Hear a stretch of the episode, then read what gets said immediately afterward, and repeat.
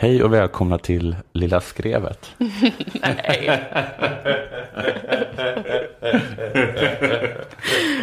Gud vad sjukt sagt.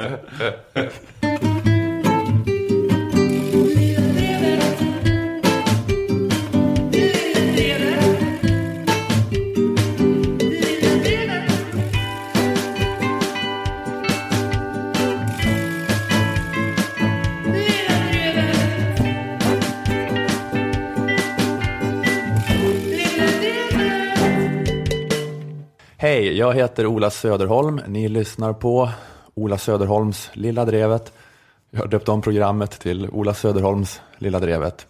Orkar inte längre låtsas som att det är någon slags gemensam ansträngning mellan mig, Nanna, Liv och Kringlan. Kan lika gärna ta åt mig all ära. Eh, för den här gamla trötta podden. Jag bär på mina axlar. Personalkrisen, skolket har förvärrats, så båda vikarierna är här idag. Lika välkomna som alltid. Älskade och efterlängtade. Moa Lundqvist, Jonathan Unge. Precis. Och som jag brukar säga, jag är inte arg på er. Nej, Nej, Jag är arg för att ni är här. du bär din bitterhet på väldigt stoiskt och fint. Man Ehm, märker inte av din smärta. nej, Nej. alltid professionell. Nej, Man ser det som en liten ryckning bakom ögonlocket ibland. Precis, men det är liksom, det är bara att sl- slå på show-ansiktet nu en timme. Sen får jag gå in och skrika på toaletten. Eh, nej, men det är roligt att ni är här. tack. Eh, och eh, Ola Söderholms Lilla Drevet, det är en podd som görs för Aftonbladet Kultur. Ska jag också säga så här i början. Aftonbladet Kultur, som idag, tisdag den 29 september, när vi spelar in det här, befinner sig i krig. Det Oj. är ett krig. På ena sidan vår ledare, Åsa Linderborg. På andra sidan avfällingen, imperialistlakejen Daniel Suhonen. Ja, men det, har, det har skrivits debattartiklar idag om vad som egentligen hände och varför när Suhonen ställde in ett seminarium på Bokmässan Just det. helgen. Du ska prata lite om det här sen Jonathan. Ja, ska jag. Eh, när det här programmet läggs ut på torsdag eller fredag så kommer det kanske vara 30 kulturbråk senare. Så det kanske ändå ingen som minns eller bryr sig. Jag tycker att kulturbråk kan mycket vara lite långsammare. Ja, det är sant. Det är inte det här bara en- att det är någon Twitter-ilska för att någon har. Hur, huruvida Stalin fick cred höll jag på i flera månader. Det är sant. Och eh, huruvida Knausgård är ett äckel. Har hållit på i Just. åratal nu. Mm. Ja, men då så. Då behöver vi inte oroa oss för det. Eh, och idag är också dagen efter den nyinstiftade humorgalan i kanal 5. Okej. Såg ni den? Nej, jag visste inte om att det här hade hänt. Nej, jag såg den inte heller. Okej. Men jag vet att man delar ut pris till den allra bästa humorn. Wow. Mm. Vann Lilla Drevet. Nej, Nej, nej det tror jag Nej inte. verkligen. Tråkigt. Någon borde ha sagt till ifall vi vann. Ja. Det var också barncancergala. Samtidigt. Samma gala var både barncancer och humor. Men de fick Oj. ingen pris. Jag vet inte om de samlar in pengar kanske till dem. Kan jag tänka mig. Eller om de bara uppmärksammade. Det är en, en svår kombination. Det kan låta märkligt men alltså barn som drabbats av något så hemskt behöver ju också humor. Jo. Ja, Även om du liksom drabbats av det allra värsta beskedet en människa kan få kan du åtminstone för ett ögonblick få tröst av tanken på att du ska få lämna en värld där det finns tv-sänd galahumor. Skratt förlänger livet. Eller om det var äpplen. Jag är inte säker. Det var tydligen därför igår då som Peter Settman och Fredde Granberg satte på sig Ronny och Ragge-kostymerna igen och körde några gamla catchphrases framför en isande tystnad inför en publik med mediamänniskor på Berns. Men är det så lite som i amerikanska filmer ibland att, eh, att det kommer fram någon, något sjukt barn och eh, ber någon baseballspelare att slå en homerun bara för honom? Att någon har kontaktat Settman och den andra. Och Ja, bara, kan- kan kan ni- du inte sätta på den gamla Ronny Ragge? Kan ni göra liksom, För mig. Ja, men kan ni göra ett framträdande som känns så awkward att se på så att bara för ett ögonblick så kommer tanken på döden att kännas som en befrielse. och det här löser såklart inga problem. Det är bara sån palliativ vård, eller vad man säger, men det är också viktigt. Även om situationen är så hopplös att det enda man kan göra för den drabbade är att göra tillvaron pytte, pytte lite mer dräglig, bara en kort, kort ögonblick, så har man ändå en skyldighet att göra det. Så Ja, tycker, jag, absolut. mm, tycker jag att medmänsklighet ska fungera. Jag hatar egentligen när folk ska skryta om sin godhet. När vi ändå är inne på ämnet kanske man kan nämna att jag själv jobbat som den här typen av sjukhusclown. Jag skriver manus till galahumor. Ja, just det. det har jag. okej. Jag skrev en del till exempel till den legendariskt utskällda för förra omgången av Melodifestivalen med Anders Jansson och Nour El Refai. Just det. De var bra, men manuset var uselt. Då fick jag många brev från människor runt om i Sverige. Jag såg ditt namn i eftertexterna. Jag vill tacka dig för att du hjälpt mig att försonas med döden. fick brev. Den skrämmer mig inte längre. Nej, alla hospice i Sverige bara drällde in brev därifrån till mig. Jag vet inte om det var du som skrev sketchen där Nor hade killkläder och Anders tjejkläder. Men glädjen jag känner över att snart få lämna minnet av att ha sett den sketchen överväger lätt sorgen över att behöva lämna min familj. Sådana fina brev. Vackert. När jag såg humorn i Melodifestivalen gallskrek jag som vanligt av ångest här i min säng på långvården. Men för en gångs skull var det inte på grund av döden. Tack Ola. Sådana hjärtevärmande brev. När jag såg kvällens pausunderhållning i Melodifestivalen förbannade jag mina bromsmediciner. Om Ingmar Bergman sett mer tv-sänd galahumor hade inte Max von Sydow spelat schack med döden utan med Edvard av Silén. Min kropp är beredd, inte jag själv. Så säger ni alla, men jag lämnar inga uppskov. Jävla skit, kolla fan det sitter ju... Det är en riktig räger där fan. Kolla det är Henrik Schiffert. Fan Ronny! Shafford. Vad fan, du vet the 90s. Mm, som han gjorde The Decade, the 90s. Ursäkta, Scheifert. Uh, min morsa, hon är från the 40s. Men fan, hon är jävligt kåt på det ändå alltså. It's true fan. Det är sant. Som sagt nu, kära uh, uh, publikum. Nej, men det finns det är ju tabu att prata om människor som befinner sig i den situationen överhuvudtaget. Att Att försöka- de vill dö av. Nej, men vi vill bara gömma undan dem liksom, på långvården och döden är tabu i vårt samhälle. Men man kan göra saker genom att göra riktigt hemsk gala tv-humor för dem och få det att kännas lite lättare. Men som den här, vad heter den nya utskällda eh, fantasy, nej eller så här magisk realism-serien som går nu? Änglaforsen. Ängelby. Ängelby. Just att det. Du menar att sånt är inte dålig tv utan det är Bra. den enda lilla blinkningen till folk som ligger på Ersta sjukhus. Det är ett komplement till morfin Ja. för dem. Det är att få en att försonas med döden genom att få en att älska livet mindre. Med hjälp av riktigt, riktigt hemsk tv.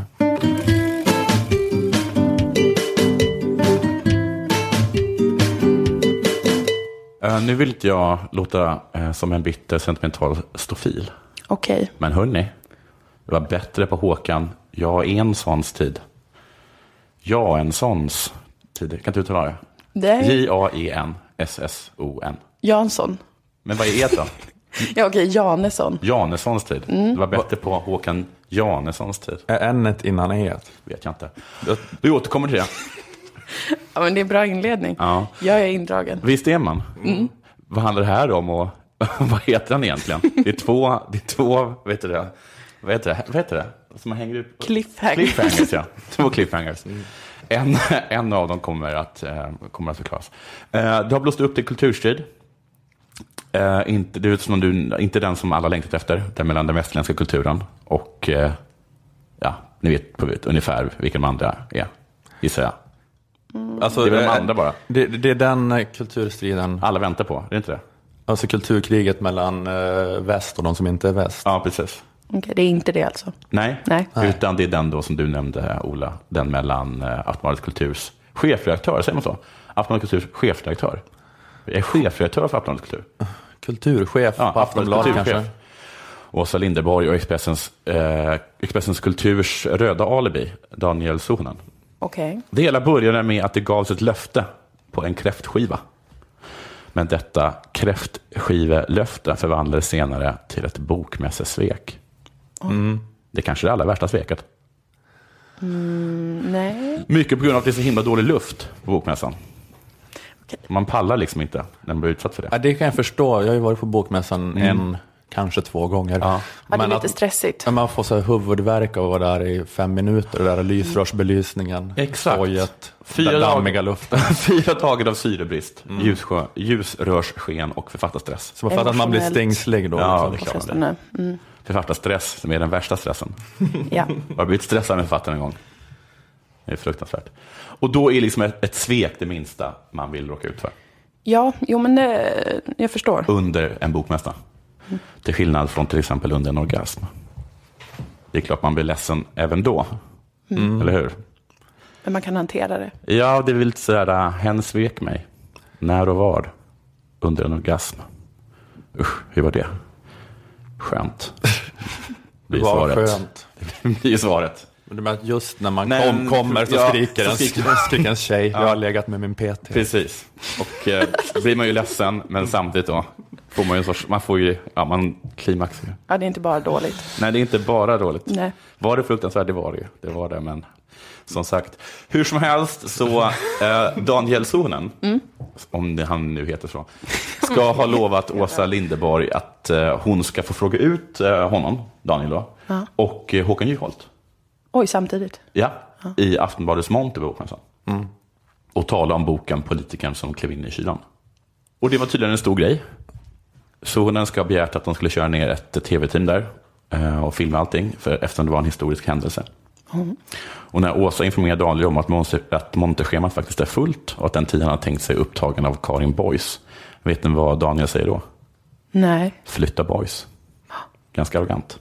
Just Som om det. Boys vore en stol eller något. Det här, och det här är hämtat från Lindeborgs eh, artikel tidigare Just idag, det. då hon eh, berättar om sveket på ett Exakt. grundligt sätt. Exakt, exakt. I alla fall, eh, Håkan eh, vill och får två fribiljetter till mässan. Okej. För- Det som annars kostar ganska mycket. Ja, Han och hans kulbo. han har hans kul. Sen vill han ha två till. Okej. Då säger Åsa nej. Med vetskapen, gissar jag, om att Håkan hade bett om ytterligare ett par. Om man fått sin vilja igenom. Att man måste liksom stoppa, man måste mota Olle i grind. Classic Håkan. Att han också kanske vill ha en cola. Ja. Lite snask. Det tar liksom aldrig slut. Gissar jag. Det här är magiskt. Så, Två timmar innan start eh, hör i alla fall Daniel av sig och säger att det inte blir någonting. Två timmar innan. Det är för sent att ställa in något. Ja, Åsa är tvungen att springa till Natur och kultur och ragga upp eh, egenmäktigt förfarande författaren Lena Andersson. Andersson och någon annan. Åsa twittrar att hon är eh, så trött på sossar.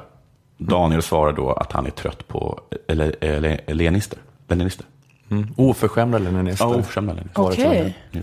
Så hon Inte riktade alla det. leninister. Nej, nej, Vill bara- Sune vara tydlig med. Ja, ja det- är skillnad på äpplen och päron. Åsa skriver då en artikel där hon kallar Daniel för ohederlig, okamratlig och oprofessionell. Och Daniel svarar sen med samma mynt genom att beskriva Åsa som nedlåtande, osolidarisk, elak och maktfullkomlig. Ja, jag läste den lite snabbt, den var ju ännu grundligare än Åsas Ja. första artikel. Det var så här tio år tillbaka, Ja. min och Åsas resa mot det här sveket som kulminerade på bokmässan. Jesus. Nu är det ju så att även privat, att det privata är kulturpolitik. Ja. man brukar säga. Men vissa har reagerat på att eh, den här högst personliga schismen får, liksom, att den får ta plats på två av landets kanske största kultursidor. Eller två av de stora i alla fall. För publicering är lite att gallra bort och prioritera. Eh, och då var det liksom en viss förvåning som den här dumpningen ansetts ha haft en sån stor betydelse. Just det. Jag vet inte om det var i pappersformat, det kanske bara var på nätet. Men det här är inte första gången, det är, inte så att det här är första gången ett personligt bråk tar sig in på de här tidningarnas lite slöare sidor. Som eh, det här uppbrottet mellan eh, Ebba-Britt Brattström och Horace Engdahl är, om man ska ta ett närliggande exempel. Liksom.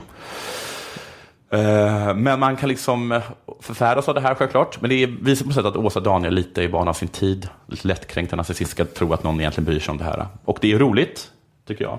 Här. Att Det är ju, på. alla bryr sig ju. Det är ju så här, om man kollar på Twitter i alla fall. folk bryr sig faktiskt. Så är det. Det kanske inte ska vara i papperstidningar då, i den mån det finns papperstidningsläsare. Ja. Jag vet inte om det gör det, men de här mystiska papperstidningsläsarna kanske inte vill läsa om det här. Men det är ju absolut jättebra mat för Twitter. Ja. Det är ju så här, folk kan kokettera med att jag inte bryr mig om det här, eller Britt Watt och Horace, men det är det enda du bryr dig om.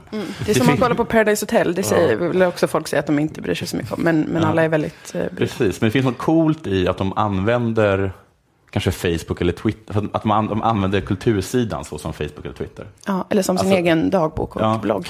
Eller bara, alltså det, ju, det här är ju verkligen istället bara för att mejla till varandra också. Ja, precis. Men du, därför jag tror, Ja. if, ifall, eh, hade de, de, ifall det stämmer det här att de bara hoppade av på grund av att de upplevde Åsa som lite kort och sur och Ja. ointresserad på något sätt. Så jag, tror, jag hoppade av Lund Comedy Festival av samma anledning tidigare i år. på samma vis. Fast jag har bara mejlat med dem. Ja, men de, har inte, de kontaktade inte Skånska Dagbladets kultursida och du svarade med en, drä- med en, med en dräpa i Sydsvenska Dagbladet. Det hade man kanske kunnat önska. Nej. Det, är på sätt, det här är ändå det som man gillar med gammal media. Att man tar sig den här friheten. Att någonting som egentligen är ett mejl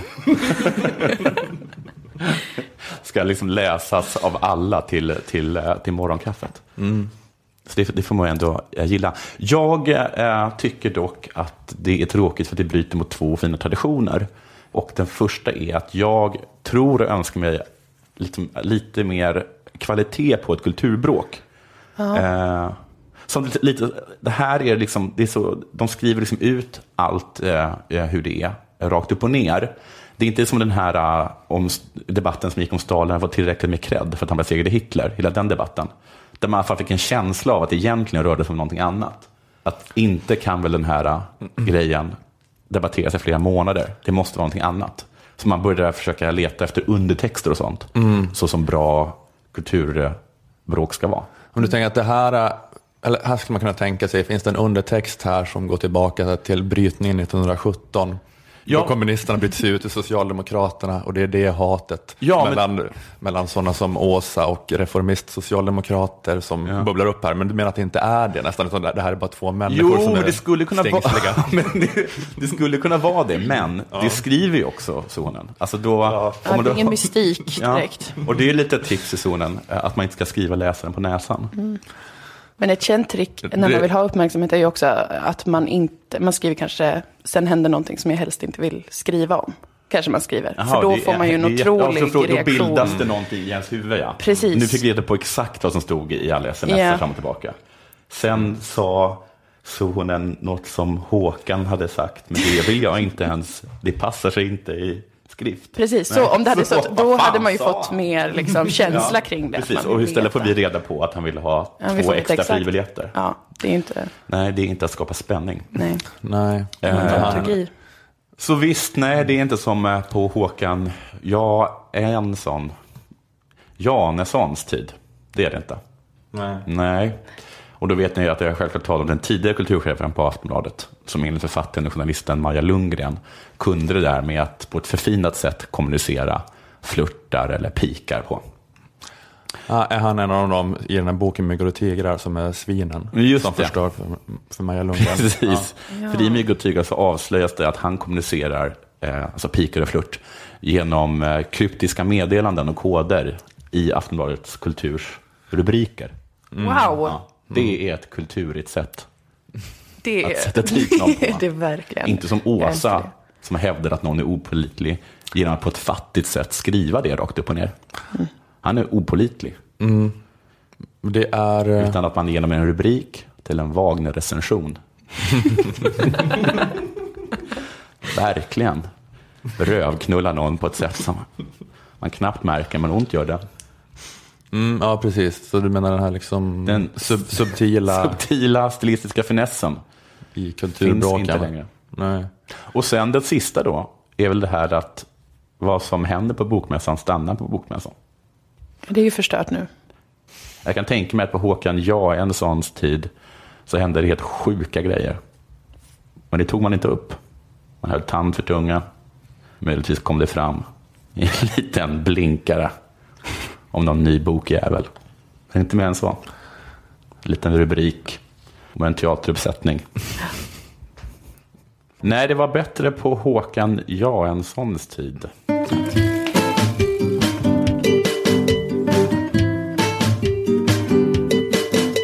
Det har varit EU-toppmöte i Bryssel om flyktingkrisen. Ja. Mötet blev långt, det blev sju timmar långt. Och det som hände var bland annat att man beslutade om att skärpa EUs gränskontroller. Utan rast. Mm, ja, man fick säkert dricka kaffe. Det som har ett sju timmar långt möte med Malou von Sivers så kom man fram till att hon ska se ut mer som att hon har tagit betablockerare.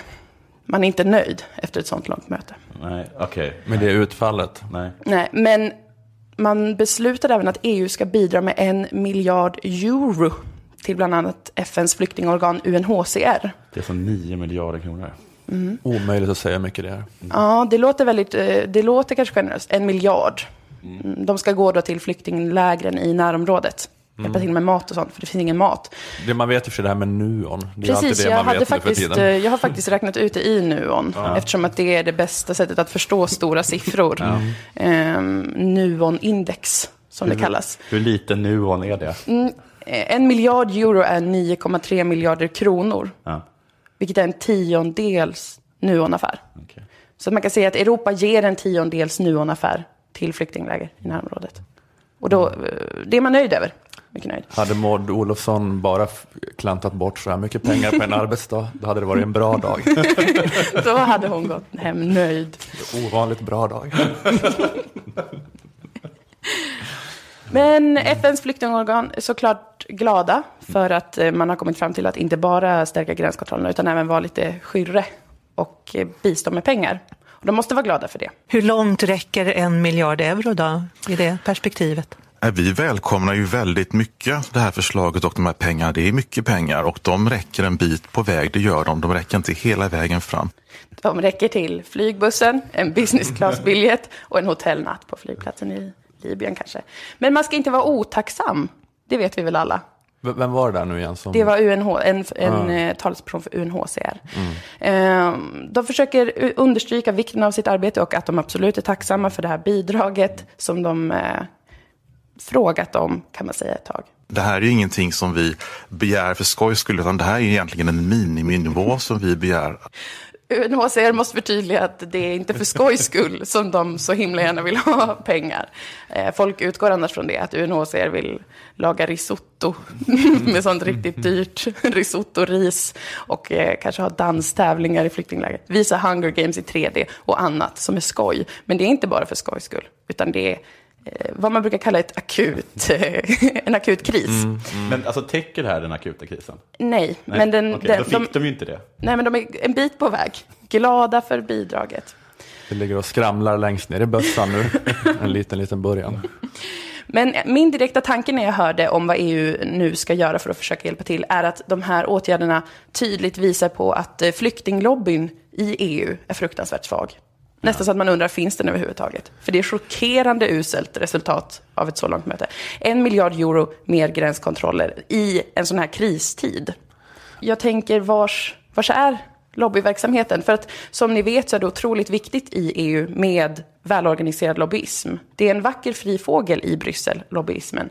Det finns eh, ganska lite transparens och knappt några regler kring de här så kallade revolving doors, det vill säga politiker som jobbat inom politiken i EU och som sen direkt blir lobbyister i den privata Persson, sektorn. Ja, och som eh, Filippa Reinfeldt Och Maud Olofsson. och Maud Olofsson och Göran Persson och Anton Abele med flera.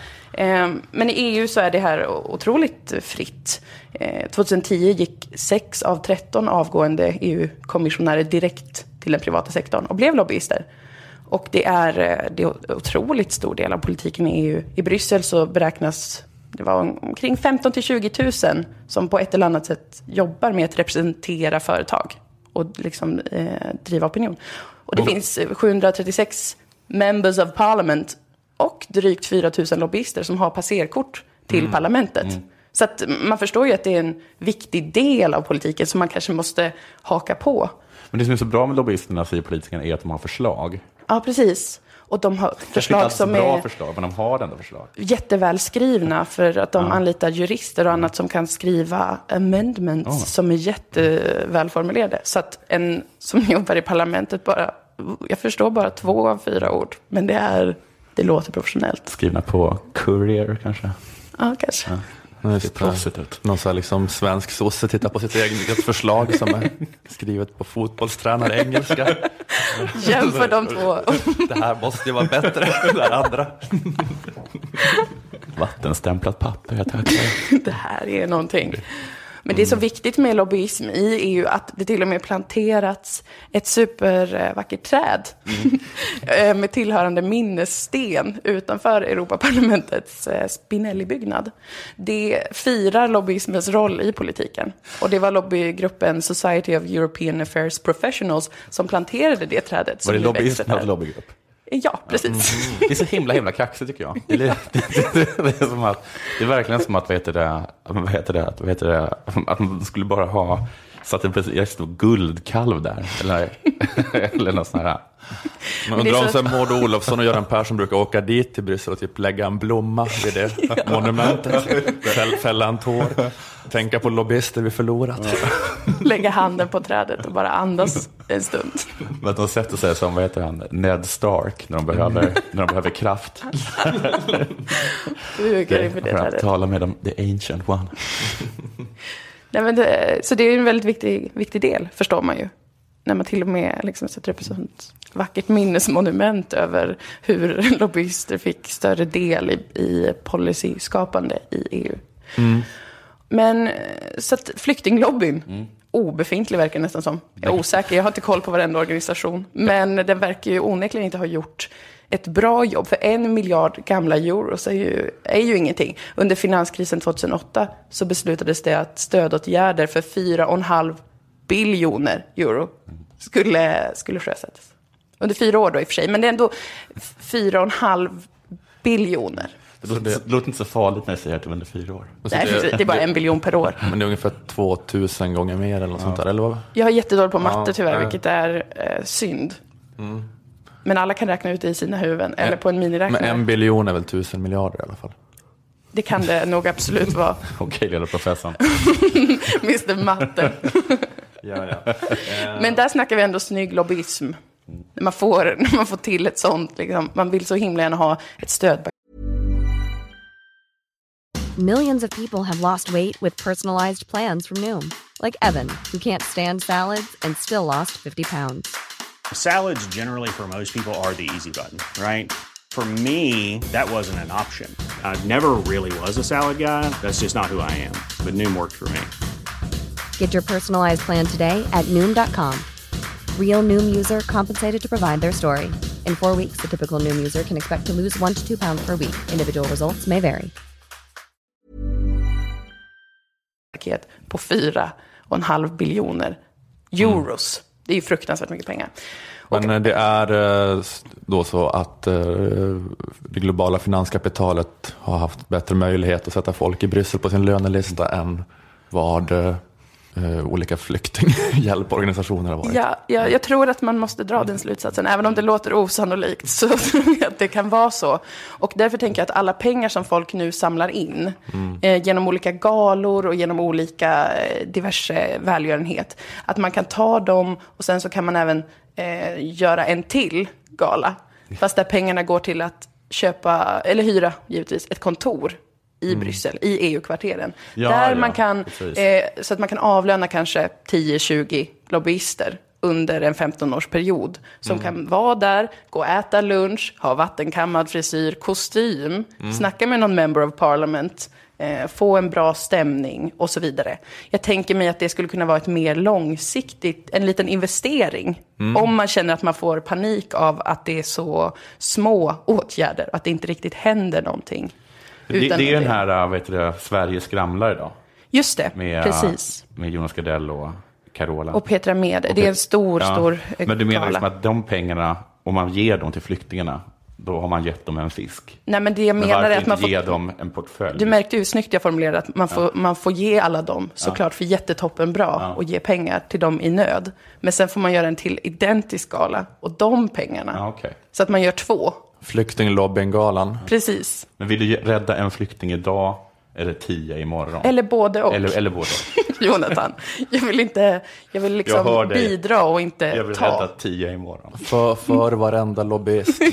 David Hellenius och Kristin Kaspersen Ja, står och eh, har ett härligt gnabb fram och tillbaka. ja. Är det massa desperata, telefonnummer. massa desperata lobbyister som försöker ta sig från tågstationen i Budapest till Bryssel. Nej, det kanske mer är så att längs eh, hyra ett jättefint kontor och inreda det. Att pengarna också måste gå till det. Och Mm. att kunna finansiera en studieresa som eh, parlamentspersoner får följa med på. Mm. Och sånt där får ju pengarna gå till. Nej, men jag, tycker det låter, jag tycker det låter som ett jätte, jättebra idé faktiskt, Ja. på riktigt. Tack. Att man ska ha en uh, flyktinglobby-välgörenhet. Att man bara ska... Ja, för man måste ha så satans mycket pengar. Det fin- flera lobbyorganisationer omsätter mer än en miljard euro per år. så att det, det krävs ju Mm. Ja. en otrolig, otroligt stor summa. Ehm, Så istället så liksom för att, för att så här skänka massa liksom kläder och sånt till flyktingar som folk gör nu, så ska man skänka en hurts. En Ja, till- kopiator. till kontoret i en fin, Bryssel. En fin kostym.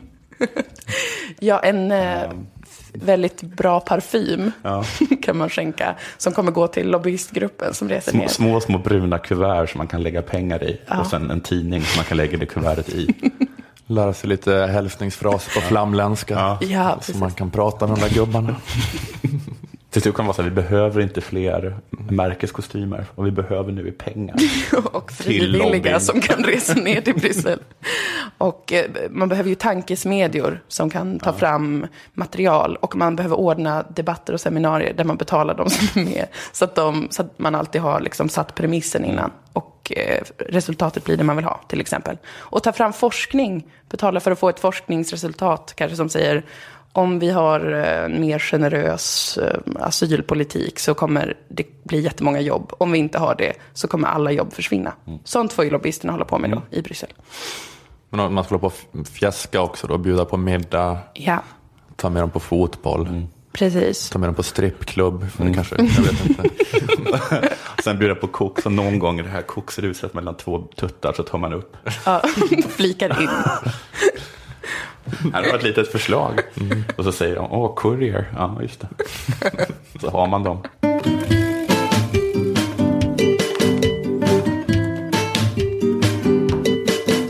Ja, det har kommit fram att eh, Dalai Lama är sexist. Helvete. Inte okej. Nej. Nej. Dalai Lama. Eh, Dalai Lama blev intervjuad i brittisk tv eh, och fick frågan om nästa reinkarnation.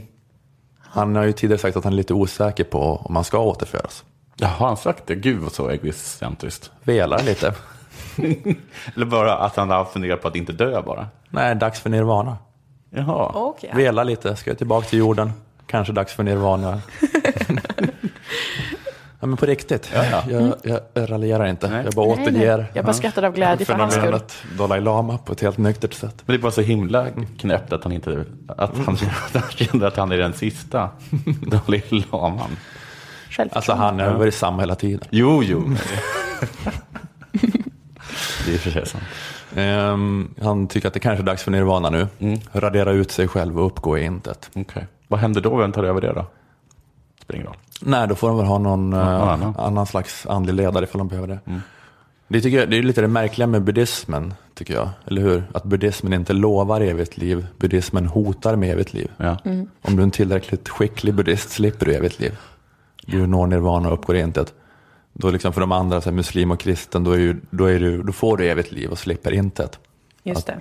Så att de andra religionerna säger så här att du ska följa tråkiga regler här på jorden, men sen blir du belönad med evigt liv i paradiset. Men buddhismen säger då att du ska följa tråkiga regler här, sen händer inte ett skit. Jag, bara, eller jag, har aldrig förstått, jag har aldrig förstått hur man säljer in buddhismen. Alltså du får samma belöning som en ateist, alltså evig tomhet. Just det. Men du får inte då innan dess supa eller ligga med någon. Bara äta en Nej. skål med ris Nej, om dagen. Hur skönt var det då? Ja, det, det, det, Hade du inte hellre inte gjort det? suttit på en kall klippa invirad i ett rött skynke och mediterat hela dagen istället. Ja, ja, det här var en spaning i parentesen om buddhism. Det var inte det jag skulle prata om. Ehm, jo, i alla fall, eh, Dalai Lama blev intervjuad av brittisk tv. Eh, fick frågan om, eh, ska du återföras? Och i så Det fall, var vanliga Jag är så trött på den frågan. Orkar Det så ens. därför han svarar så. Ja, att det är så här fuck you-svar. Nej, jag kanske skiter i det. Så säger han för att han är så trött på det. Tror du inte det? det är som, såhär, som att sp- sportmänniskor är trötta på att få frågan, hur känns det efter Ja. match? Såhär. Ja. Ska du återföras? Eh, ja, frågan var så här, ska du återföras och i så fall kan nästa inkarnation av Dalai Lama bli en kvinna? Ja. Han sa ja. Okej. Alla blev glada. Vilken seger för feminismen. Ja, det var det. Nu är man glad. Fast jag anar att något annat kommer härnäst. Kampen är inte vunnen förrän också kvinnor kan bli knäppa sektledare och bärare av uråldrigt teokratiskt förtryck. men, men sen sa Dalai Lama, bra idé med en kvinna, eftersom kvinnor biologiskt har en fallenhet för att visa ömhet och medkänsla. Alla börjar skruva på sig lite grann här. Nu börjar han halka runt lite grann. Särarts feminist. Är han- Tillägger han att han är för feminism utan socialism? Alla blir jättekränkta. Ja, det är som det här, han är lite särartsfeminist börjar man tänka, men sen blev det värre. Okej. Sen kom det som gjorde folk superarga. Nej, vadå? If female dharma come, the face must be very, very, should be very attractive.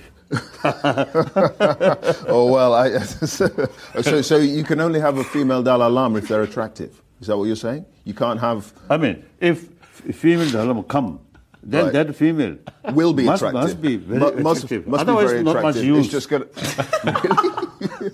Han precis. Now, I, I think some people, my face. You're joking. I'm Oh, assuming. Oh, Or you're not joking. oh, No. I mean, I mean true. Nej, han är snygghetsfeminist. Tala. Så det finns ingen poäng med en kvinnlig Dalai Lama, som, som man säger, om hon inte är jättesnygg. Nej, Nej. Eh, du hörde du Jonathan, det är lite svårt med Dalai Lamas engelska. Ja, den är inte så bra. det. Dalai Lamas engelska påminner om Silvias svenska. Mhm. Att den så är för alltid fast på en halvdålig nivå. Liksom, hur, mycket blir man än, hur mycket man än övar. övar. Ja, men han sa att en kvinnlig lama bör vara väldigt attraktiv. Ja. Eh, Reporter försöker hantera det som ett lite misslyckat pappaskämt. Mm. Dalai Lama står på sig och säger jo, det är sant. Det är sant. Hon måste vara attraktiv, annars är det ingen poäng med det. Men det måste vara en snygg tjej eller en söt gubbe. det är liksom de enda två utseendena som funkar som Dalai Lama. Supersöt gubbe, supersnygg tjej.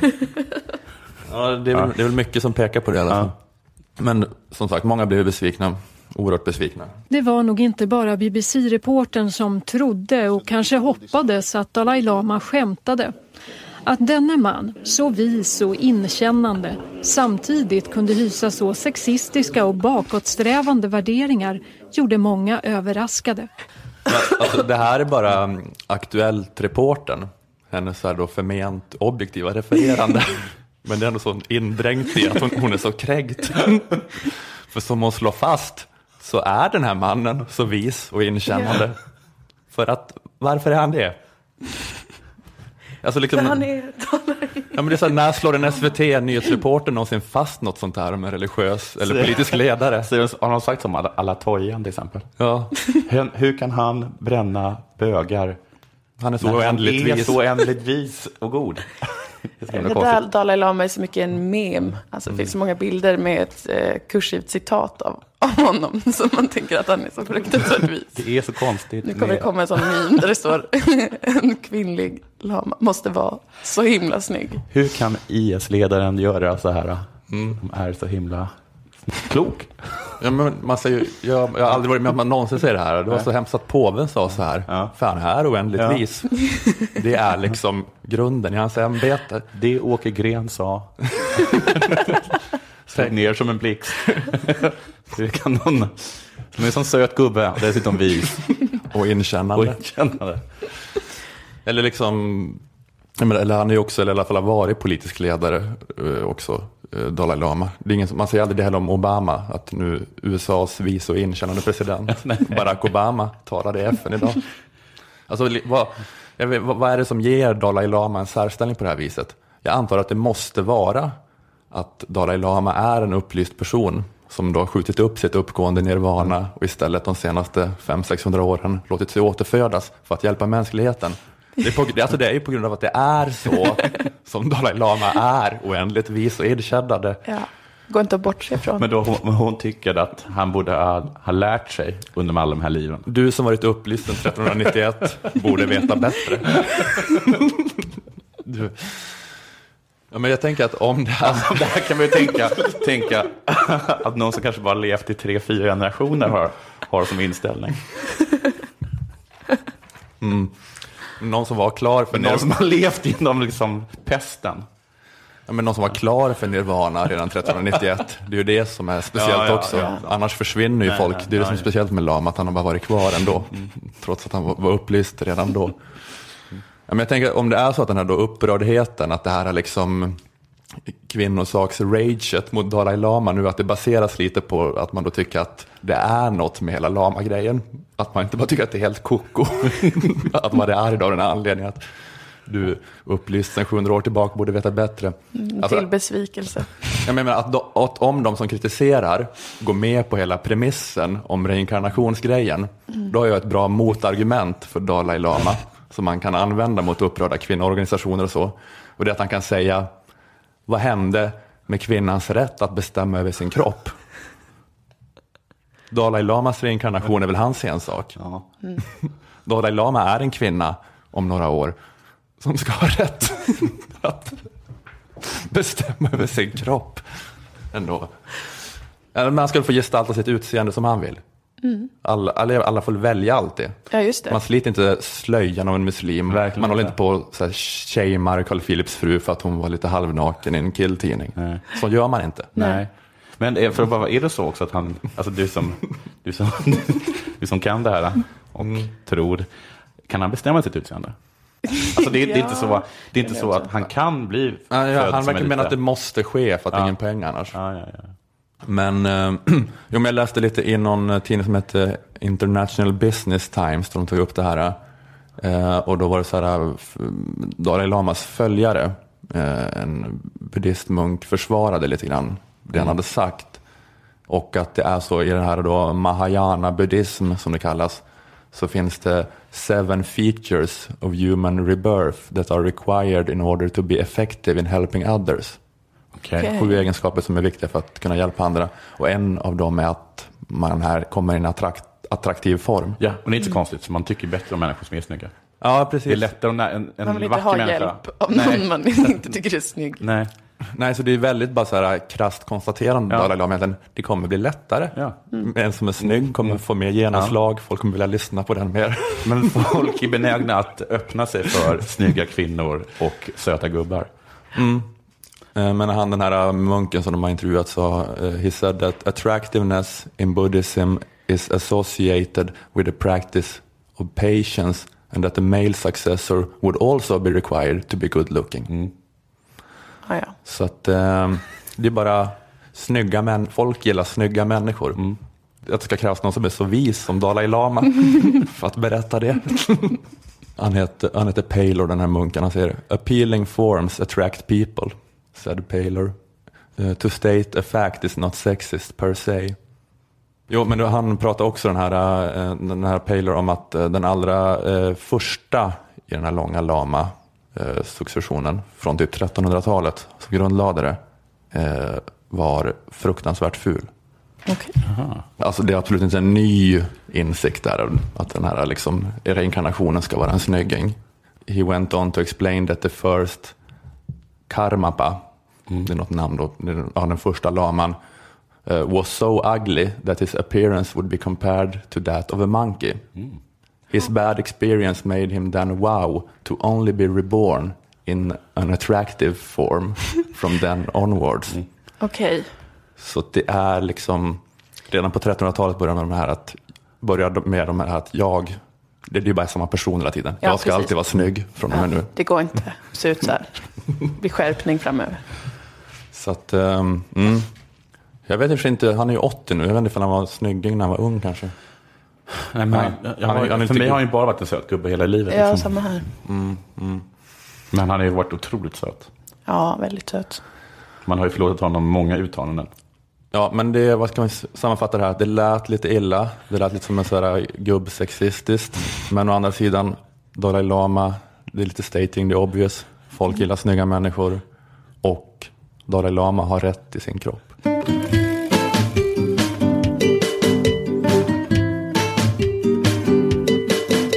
Vi talar om felmatchning.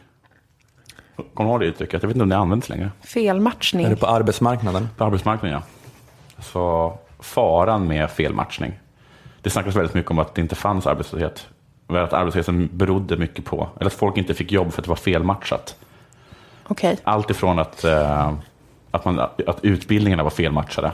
Att vi utbildade oss till, till dansare och, och till sådana här personer som, eh, som vad heter det, säljer stora isblock till is, isskåp. Det är så himla felmatchat för att folk har frys. Ja. Just. Och vi behöver inte fler dansare, vi behöver fler ingenjörer. Ja, just det. Eh, och, och fara med det. Jag brydde mig inte riktigt om sånt där, jag tyckte det var lite fånigt. Tills jag fick barn och började kolla på Barnkanalen. För då fick jag ett sånt himla starkt eh, och bra exempel på hur farligt det kan vara med felmatchning. Det är, känner till Berang Miri, Ja. Ja. eh, rappare, krönikör, eh, bokutgallrare, Lite av en aktivist. lite kan man... en aktivist. Han, vi pratade ju eh, om han för ett par avsnitt sedan. Kringlan pratade om att han var utsedd, han hade blivit utsedd för att jobba med SVTs mångfaldsarbete. Mm. Men inte, då måste han göra det halvtid. För att han är även programledare på Barnkanalen, på morgonshowen som jag ser var, var, varannan morgon. Jag kan tänka mig att han hinner båda de sakerna. Men aldrig har väl eh, felmatchning eh, lyst så starkt i en annan människas ansikte. Är det sant? För Ja. jag vet ganska lite om honom, men jag tänker rätt barnprogramledig aura. Visst tror man det, Ja. men så är det inte. Ni vet den där känslan man kan få ibland när man leker med barn, att man blir hyper självmedveten Ja. och känner, ska jag hoppsa verkligen? Jag tycker inte det är roligt. Jag vet den känslan. Ja, jag känner mig fånig när jag leker under hökens vingar, till exempel. Ja. Berang går inte genom rutan, men den känslan gör det. Ja. Vad jobbigt. Det är himla jobbigt att se på. Ja, för det är en fruktansvärd känsla. Det är en fruktansvärd känsla. Det liknar den känslan när man ser en, som man, när man ser en dålig komiker på en standup-scen. Att först så tycker man synd om komikern, till slut så börjar man hata komikern. För att den här känslan av osäkerhet gör så ont i en själv. Ja. Att man skäms så mycket för honom då, eller henne. Han borde inte vara det helt enkelt, det är en felmatchning. Okej. Men Och det, jag det tror går- att han vet det. så jag skulle nästan vilja be alla att matcha honom rätt. Han, är, han ska inte vara där. För han vill det inte. Och han är så himla dålig på det. Men, Men han gjorde inte han någon eh, barnvänlig Melodifestivalen-låt ett år? Han gjorde så här Jalla Jalla Falafel som var någon sån Ja. hit som alla barn gillade Jo. ett år. men man behöver ju inte vara två timmar i tv-rutan varje morgon. Det är en annan sak. Det är en helt annan sak, ska säga. Eh, Men det är inte bara det här liksom att, eh, att det är ont i honom och, i vi, och vi som ser på honom, utan det är också direkt farligt. För att det finns nämligen ett ganska viktigt inslag i, eh, i morgonshowen på Barnkanalen. Och det är den här som vi ska lyssna på nu. Berang Mire. Take it away. Tandborsten, yeah, yeah, yeah. Iman, kom igen. Tandborsten, yeah, yeah, yeah. Sjung med mig, sjung med mig. Lycka till med tandborstningen. Man lär sig liksom att borsta tänderna varje morgon. En liten stund där barnet får borsta tänderna. Och som ni hörde här så eh, fick han inte alls igång någon. Ingen som har lyssnat på det här eller så det vill ju borsta tänderna med Beramiri. Och ni som kanske inte såg det, men som ni märkte att han fick inte heller igång den gästen som absolut inte ville sjunga med den här Var det så att han sa kom igen nu? Hon Kom igen, nej. hon var ju helt tyst självklart. Hon såg ju precis som alla vi andra hur oerhört felmatchad han var och hur han led. Och det lockar ju inte till att borsta tänderna. Och det här i sin tur leder ju till karies. Så att eh, det är en En katastrof för fel- tandhälsan. Felmatchning får konsekvenser. Kanske inte för dig, kanske inte för mig, men för våra barns tandhygien. För framtiden. Tänk på framtiden, ja. Du kan lära ditt barn att borsta tänderna nu, eller så kan du se till att Bena Miri inte sköter det här i morgonshowen. Och sen så har vi undvikit karies för all framtid. Ja, det blir en sån eh, jobbig sådär Pavlovsk reflex också. Ja. Att man lärde sig det Ja, som precis. barn och varje gång man borstar tänderna så, får man en Miri o- och, han, obehaglig och, hur, känsla. och hur han inte vill vara med i tv. Smaken utav fluor blir som någon Ja. slags såhär, Man känner sig självmedveten. man tar i tandborsten och känner, att, man känner sig lite fånig och som att alla stirrar på den. Ja, ja okej. Ja, Ja. Vad tråkigt att höra. Så mitt tips i alla fall för en bättre tandhygien för barn är att man ska eh, skölja med fluor en gång i halvåret. Är inte det cancerframkallande nu? Jag tror fortfarande det är bättre att det är bra för tandhygienen. Okej. och se till att man matchar Biramir bättre. Mm. Ni Ja. vet det där äh, när man sitter på en kräftskiva och så sätter man på sig hatten. Ja, Mm. mår dåligt. Och mår dåligt. Mm. Om ni vill ha den känslan så slå på Barnkanalen 07 till 09. Ja, men, ja, men jag, för jag, jag tänkte verkligen att Berang Miri, han har ju någon sån image att han inte är en självmedveten neurotiker. Har han inte en image av att han är en skön kille? Jag tänkte också det, men det, ibland så kan barn förstöra det. Mm. Att man är så, fast när ett barn kommer in i rummet så mår man dåligt. Så det kanske är fallet med honom. För att ett barn ju- tittar på en i sina konstiga små ögon och, och är orimligt ärliga om de är missnöjda med någonting och sånt. Det kan göra vem som helst väldigt självmedveten. Men det blir också en sån, att det förstärker så himla, himla mycket. Men jag vet inte, det är som som att om om en person har, på, har keps på sig och, och, och en skateboard under armen och sen så är de så himla, himla, himla stela. Mm. Så blir liksom den stelheten Mm. liksom granithård Mm. på något sätt. Eller liksom en person som har liksom klätt ut sig till Slutty Kitten till exempel. och, och sen inte är slutty i själen. Så blir, det, så blir det så himla rigitt på något sätt. Liksom. Men kan, kan, kan, är, han ny, är han ny på det här jobbet? Ja, jag, alltså jag tror det, för jag har inte sett honom tidigare. För jag undrar om det kan vara så att han Det är kanske... så himla konstigt att han har fått den dealen att ha mångfalden och sabba barns tandhygien för att få ihop en, en heltidstjänst. Ja. Men jag, han kanske aldrig har träffat barn. För det har jag tänkt på att Mm. eh, man... Jag tror att det var jättemånga år då jag aldrig träffade ett barn. Nu Nej. träffar man barn lite grann för att folk man känner har barn. Jo, men- och och så här, jag menar, man kan vara, jag vet inte hur gammal han är, säg att han är 28, 29 och han kanske inte har haft någon så här barn han är släkt med som är små. Så han har inte sett ett barn sedan han själv var barn. Jag har någon minne av sånt att ja, men jag vikarierade på dagis lite grann när jag var vuxen och då hade jag inte heller sett ett barn på kanske 10-12 år. Nej. Och då är det så fruktansvärt konstigt, alltså man vänjer sig ganska snabbt, men det är fruktansvärt konstigt de första dagarna. För det är så jävla konstigt med ett barn. Ja, det, det var men det är det självklart. Men också, alltså det är ett super, super svårt jobb. För det är så också att man är tvungen att gå till olika stationer på något sätt i, i den här studion. Mm. Men då kan man liksom inte bara gå till den stationen. Utan då ska man liksom hoppsa till den. Nej. Och om man då inte är Nej. extremt avslappnad. Utan att du är liksom en person. Och ett stelt hoppsasteg. Det det finns liksom ingenting så, som man blir så ledsen av.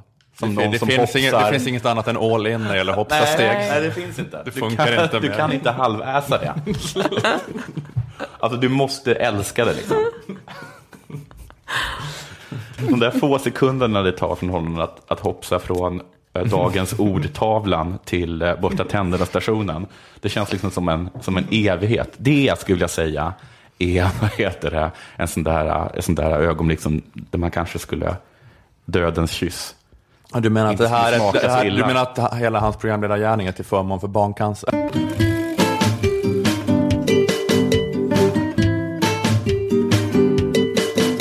Är det någon som vill göra reklam för något eller så?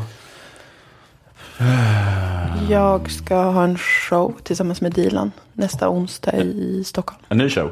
Ja, på Oslipat, Som handlar om? Bonden bar. Det handlar om eh, 90-talister. Jaha. Och det kommer vara nu på onsdag när det här avsnittet är ute. Ja, precis. Är det en podd också? Ja, men den har jag gjort reklam för en gång. Det börjar kännas överdrivet. När man har nämnt det en gång. Vi har alla våra relaterade poddar. Ja. Dilan och Moa, Della Sport, Februaripodden. Eh, ifall någon inte vet det. Eh, jag heter Ola Söderholm. Jag vill eh, tacka er, Moa och Jonathan, för att ni kom och hjälpte till Tack under den här svåra tiden i Lilla Drevets Mm. historia. Eh, Okej. det, var, det, var, det, det var kul. Och ehm, ja, tack till Aftonbladet Kultur som gör den här podden med. Eh, vi hörs igen om en vecka. Hej då! Hej då.